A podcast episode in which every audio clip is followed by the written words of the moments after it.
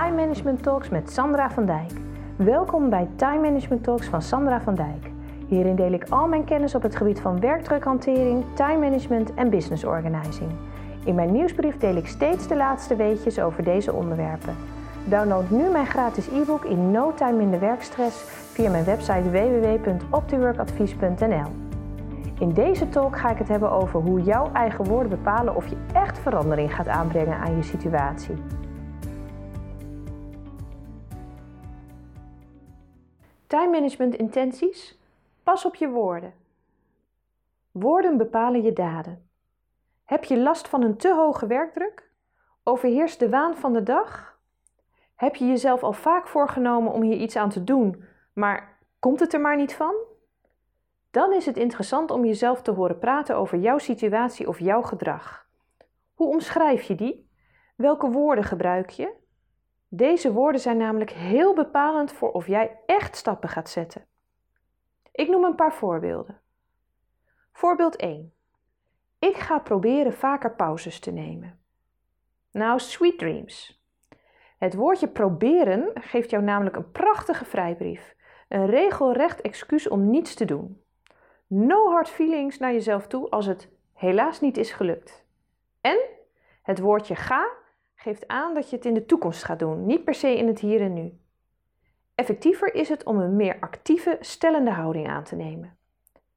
Ik neem vaker pauze, bijvoorbeeld te beginnen met zoveel keer per dag. Dat voelt een stuk dwingender, toch? Voorbeeld 2. Ik ben een chaot. Oh, wat een ellende, want dit betekent dat chaos creëren in je DNA zit. Je staat ermee op en je gaat ermee naar bed. Maar wees eerlijk. Zolang er geen sprake is van een specifieke hersenaandoening, is dit je reinste flauwekul. De competenties plannen en organiseren zijn goed ontwikkelbaar, liggen op vaardigheidsniveau. Met een paar simpele tips en trucs zeg jij vaarwel tegen je stapels mail en dubbele afspraken. Ben je een chaot? Nee, je vertoont chaotisch gedrag. Gelukkig maar, gedrag kun je beïnvloeden. Voorbeeld 3. Ik moet meer sporten. Ja, dit roepen we al snel als we het druk hebben. Dat sporten stressverlagend werkt, dat weten we namelijk wel. Maar één ding weet ik zeker: dat abonnement op de sportschool verdwijnt na een paar weken in de onderste la van jouw bureau.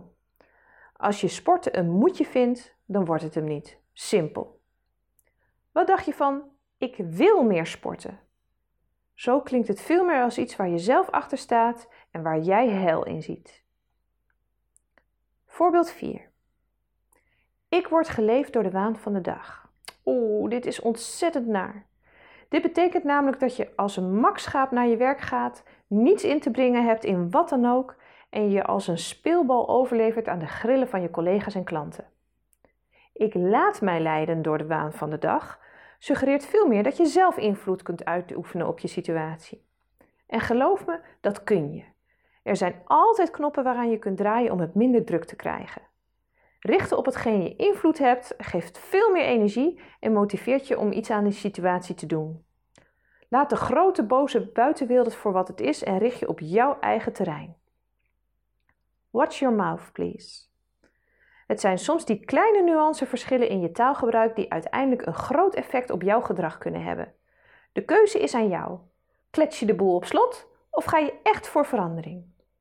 Hang alle ik moet, ik ben nu eenmaal zo, het overkomt mij allemaal en ik ga het in de toekomst doen. Uitspraken aan de wilg en creëer zo ruimte voor jouw ideale werkelijkheid. Dit was alweer het einde van deze Time Management Talk. Abonneer je op mijn podcast, zodat je zeker weet dat je op de hoogte blijft van de laatste time management tips en trucs. Download ook mijn e-book In No Time in de Werkstress via mijn website www.optiworkadvies.nl. In de volgende aflevering geef ik je een 5-stappenplan over hoe je tot een goed prioriteitenlijstje kunt komen. Tot dan!